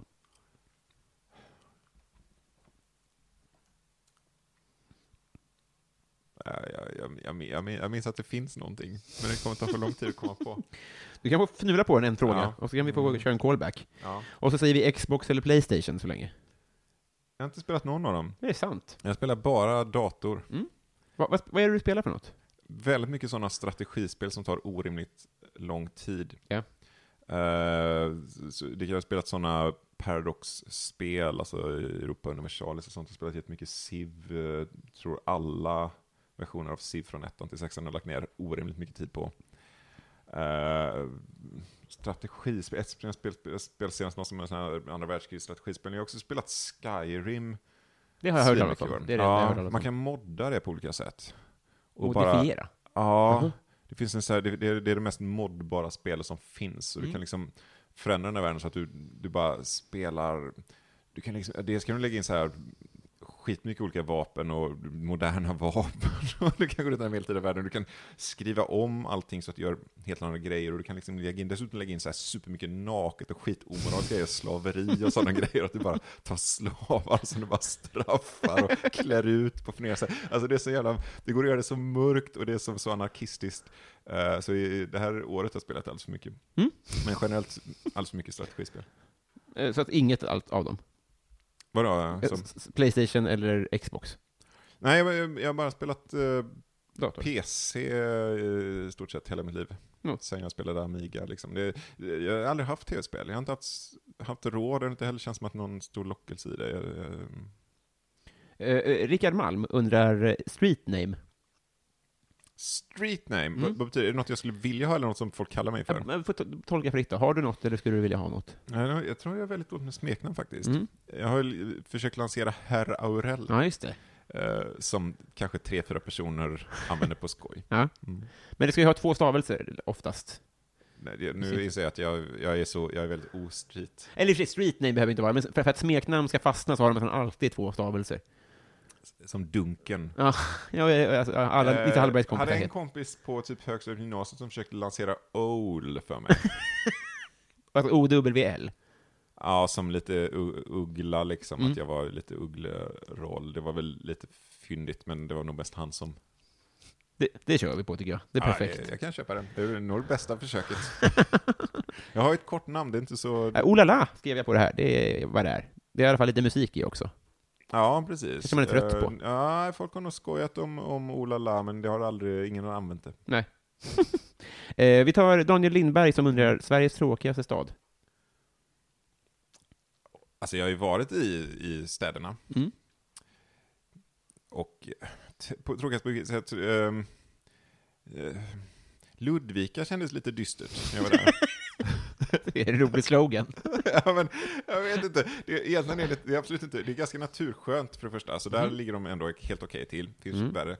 Men jag fick en jävligt dyster känsla, och jag tror det var lite grann för att jag var där på en söndag, och det var precis som en sån här dyster småstad utan försonande drag, väldigt lite folk. Och så var det den här känslan att man ser liksom en thaimassage som man kan se i vilken stad som Mm. helst. Och så tänker man, ja ah, där ligger en thaimassage också. Här tänker man bara, garanterat Ja. på det. Det kan inte vara massage. Och man vet att man har den känslan i stad att det, det är helt orimligt att tänka sig att någon här betalar För för, att bli masserad. Det, det, det skapar en viss atmosfär. Ja. Men jag vet inte, annars så... eh, Jag tycker... Jag har varit en del i Hedemora också, och Mm. jag tycker det är kul med Hedemora bara för att det är så Lars Demi gjort en skiva som heter Svenne tills du dör eller sånt där. Mhm. Och omslaget är bara ett foto gatan i Hedemora. och sen känner lite folk där, och det är liksom sådär att ja, vi har åtta pizzerior, alla går bra. och sen har de öppnat en sån här gourmetrestaurang utanför. Ja, de har det svårt. Det var sån, Ja. De har bara pizzerior och frisörer. Och så just den här känslan att det är, ganska, det är typ 5000 invånare och sådär. Men de, åtta pizzerior, alla går bra. Liksom. Det är så dystert. ja, det är så jävla mörkt. Ja, det var- Ryck upp er! Men jag tror de har skitbra musikliv till exempel, så det är fruktansvärt, um, fruktansvärt orättvist. Mm. Jag tror att det är ganska kul. Jag tror de, eh, de dricker, eh, de har ett eh, bryggeri i närheten som heter Oppigård, så de, de, de lever livets goda liksom. Mm. Så jag tror det är skittaskigt. Du, Men, eh, nytvättad katt. Nu får du kanske hjälpa mig att förstå den här frågan, för jag har ännu inte riktigt lyckats. Men han, han, du, om du blev en superhjälte med dåliga förmågor, vad är i så fall din kraft sla- slash kryptonit?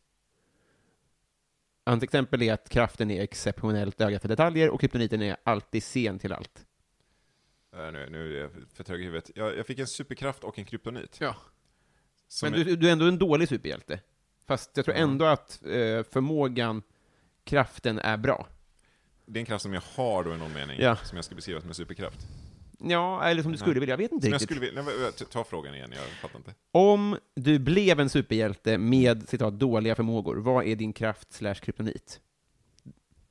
Det är kanske lite vad man identifierar sig med. Det kanske är sant, ja. Om jag blev en superhjälte med dåliga förmågor, det känns som att det är, det är helt öppet för att jag får välja. Ja, ny- kanske vad lite vad du identifierar dig som, eller vad, om, man, fick dröm, super, önska superkraft eller något.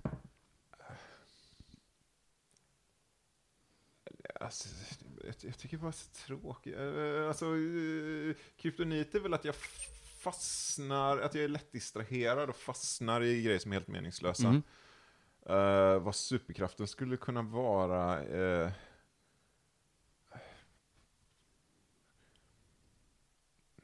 det är väl att jag inte bryr mig så mycket om vad folk tycker. Eller det är, det är en självbild jag har, men jag tror inte, tyvärr inte att den stämmer. Men det är nog den enda superkraften som jag har tänkt att jag har. Att jag är lite sådär, lite självständig på något sätt. Jag kan ignorera andras åsikter, jag kan tänka själv. Mm. I alla fall liksom mentalitetsmässigt betyder inte att jag är bättre på att tänka, men att, att jag ändå, jag är inte så, jag är inte så rädd för att Kan borsta av dig, så att säga. Ja, men liksom sådär, ja, men om alla tycker något så kan jag tycka tvärt emot, eller om alla tycker att eh, jag gör något så tramsigt så kan jag göra det ändå. Mm. Det är en självbild jag har, men tyvärr tror jag inte den stämmer så mycket som jag hade velat. Länge gick jag eh, som en väldigt ensam människa och tyckte att jag är i alla fall jag. Sen har jag insett att så fort jag får bekräftelse för någonting så bara jag gör det. Och då faller ju allt som ett korthus. Vilket är väldigt tragiskt. Så på så vis är mitt, eh, hela mitt liv har liksom lite grann raserats. Ja, det blev ju en dålig superhjälte, det får man faktiskt säga då. Ja, men jag tror att den största kryptoniten, i, eh, alltså om du ska sitta ihop så måste det väl vara det som är kryptoniten, att allt var en fasad. Men, men min riktiga, mitt, mitt stora problem är nog att jag är lätt distraherad eller slash lat, jag vet inte. Det mm, beror på hur man ska formulera det. Mm. Eh, vi, vi går vidare här. Eh, Linnea Söderberg undrar, du får en önskning som slår in nu på direkten. Det finns inte en sån här gummitarsan-önskning om- att alla önskningar... Jo, det är perfekt. Så tar man bara den önskningen varje gång. Det är bara den. Bara lära ut det knepet, för när de där En ny önskning, en ny önskning, en ny önskning. Ja. Eh, Johanna Ekberg undrar, vilket brott är mest troligt att du skulle bli åtalad för? Eh, skattebrott tror jag. Mm. Men eh, jag hoppas inte någon lyssnar på det. Nej, det tror jag inte. Nej, jag tjänar inte så mycket pengar, men, men jag, nej, jag tror inte, eh, begår inte så mycket brott. Nej. Det, jag skulle kunna tänka mig någon sån här, jag blir bjuden på narkotika och är så jävla dålig på det att jag åker dit. Ja. Liksom. Här patetisk grej, man ska vara lite så här, jag vill, jag, har, jag vill också ha levt. och så är det så här, det var lite snurrig att gå fram till en polis. Något sånt skulle jag lätt kunna åka dit på. Eh, jag tror inte jag skulle åka dit för våld. Eh, Isak spekulerar att jag skulle bli stämd för kvickspelet. Det skulle jag också kunna bli. Mm. Det uppmanar vi till. Det hade varit, jag tror jag hade ökat försäljningen. En liten rättsskandal. Eh, ja, men jag blev lite rädd när han pratade om det, för det fanns, det fanns tydligen något, eh, det var någon, jag antar att det var någon tysk som har gjort ett spel som handlar om, uh, vad heter den, Berghain eller något sånt där, i en Mm. stor technoklubb. Om dörrvakten där. Mm.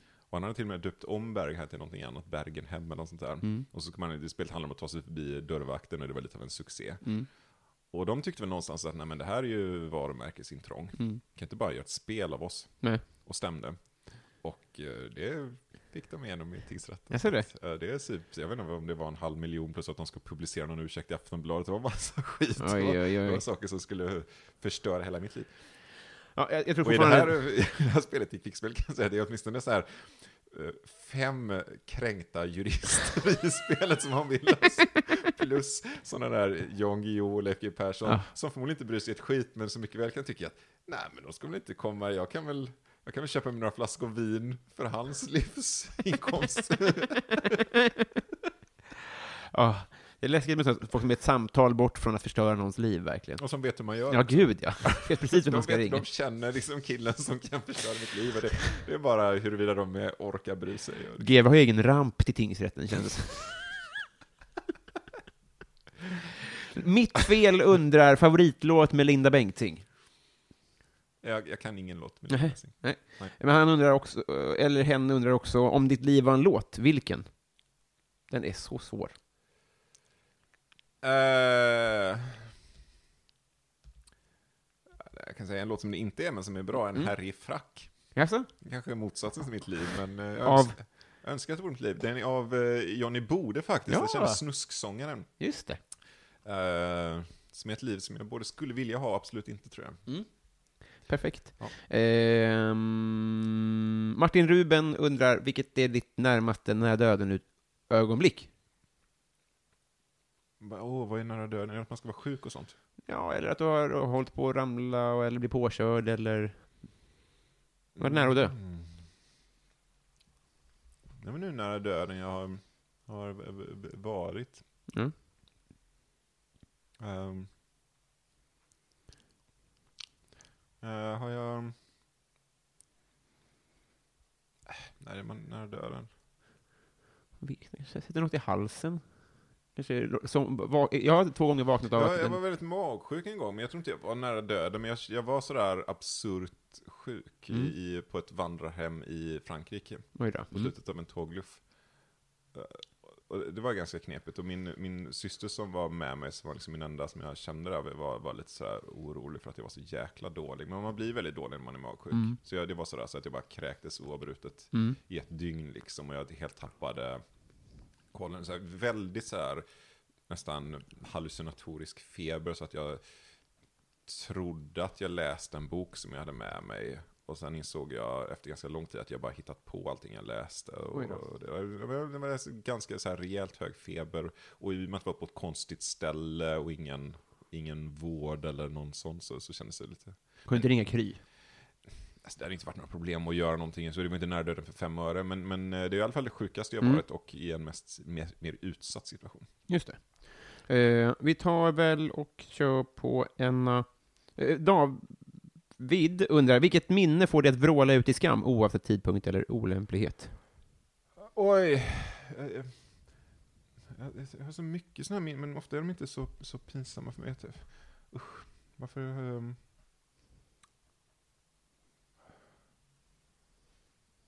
Jag har så mycket sådana här bara helt meningslösa grejer som jag skäms för. Så Fula saker jag har målat som jag var stolt över, sen så insåg jag att det var pinsamt och fult. Uh, usch.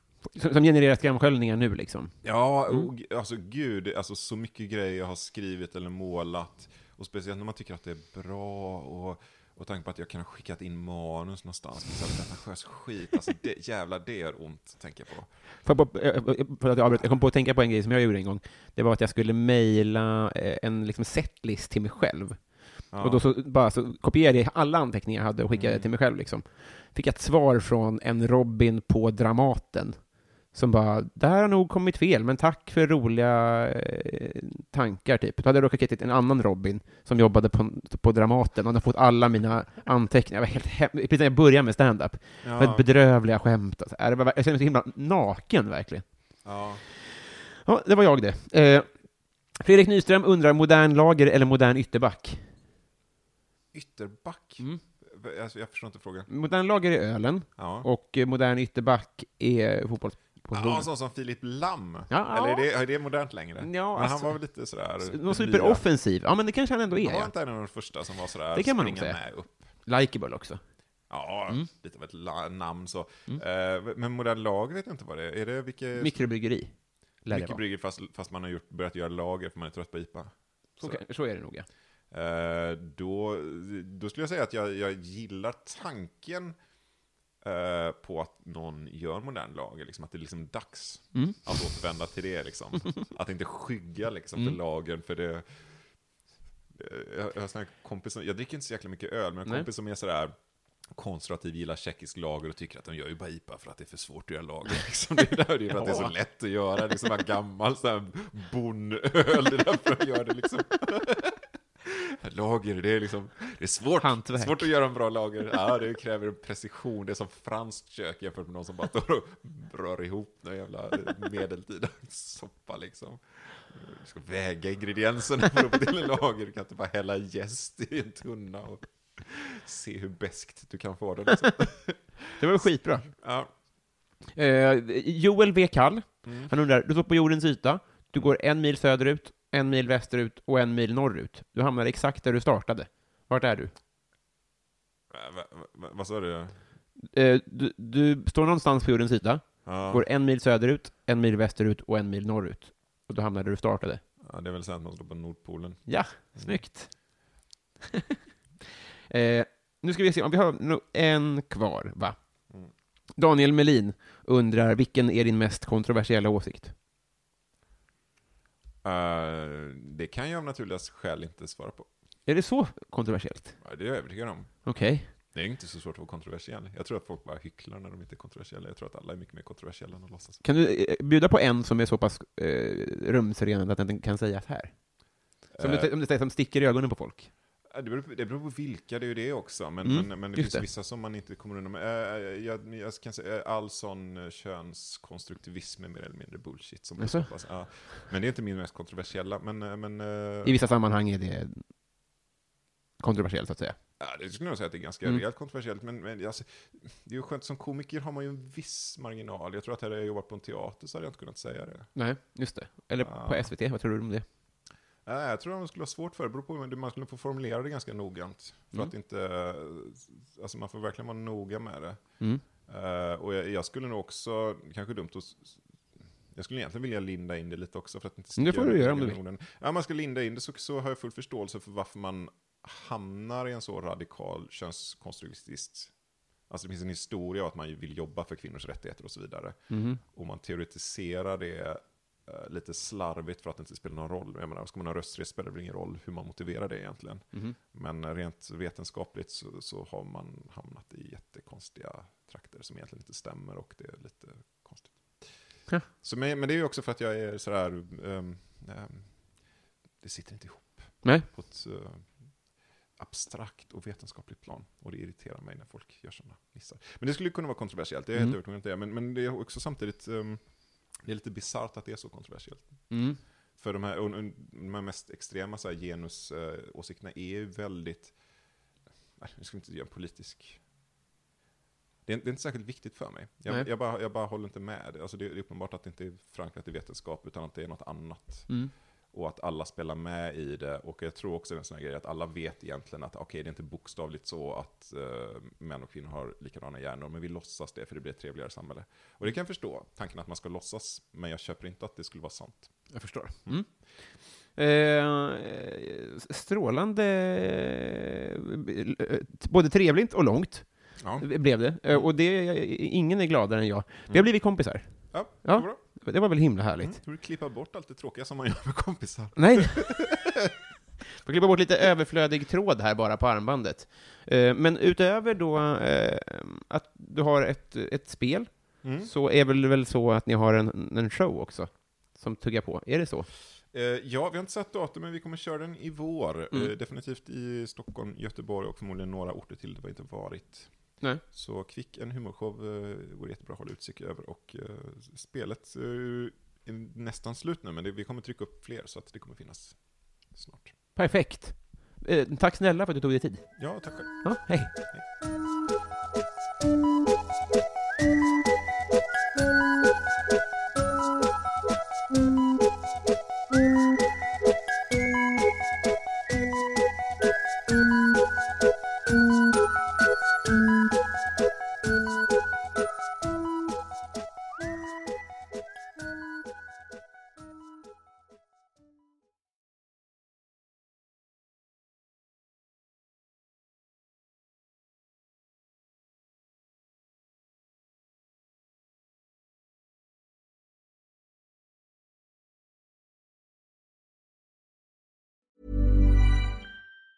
Even on a budget, quality is non-negotiable. That's why Quince is the place to score high-end essentials at 50 to 80% less than similar brands. Get your hands on buttery soft cashmere sweaters from just 60 bucks, Italian leather jackets, and so much more. And the best part about Quince, they exclusively partner with factories committed to safe, ethical, and responsible manufacturing. Elevate your style without the elevated price tag with Quince. Go to quince.com slash upgrade for free shipping and 365-day returns. Flexibility is great. That's why there's yoga. Flexibility for your insurance coverage is great too. That's why there's United Healthcare Insurance Plans. Underwritten by Golden Rule Insurance Company, United Healthcare Insurance Plans offer flexible, budget friendly coverage for medical, vision, dental, and more.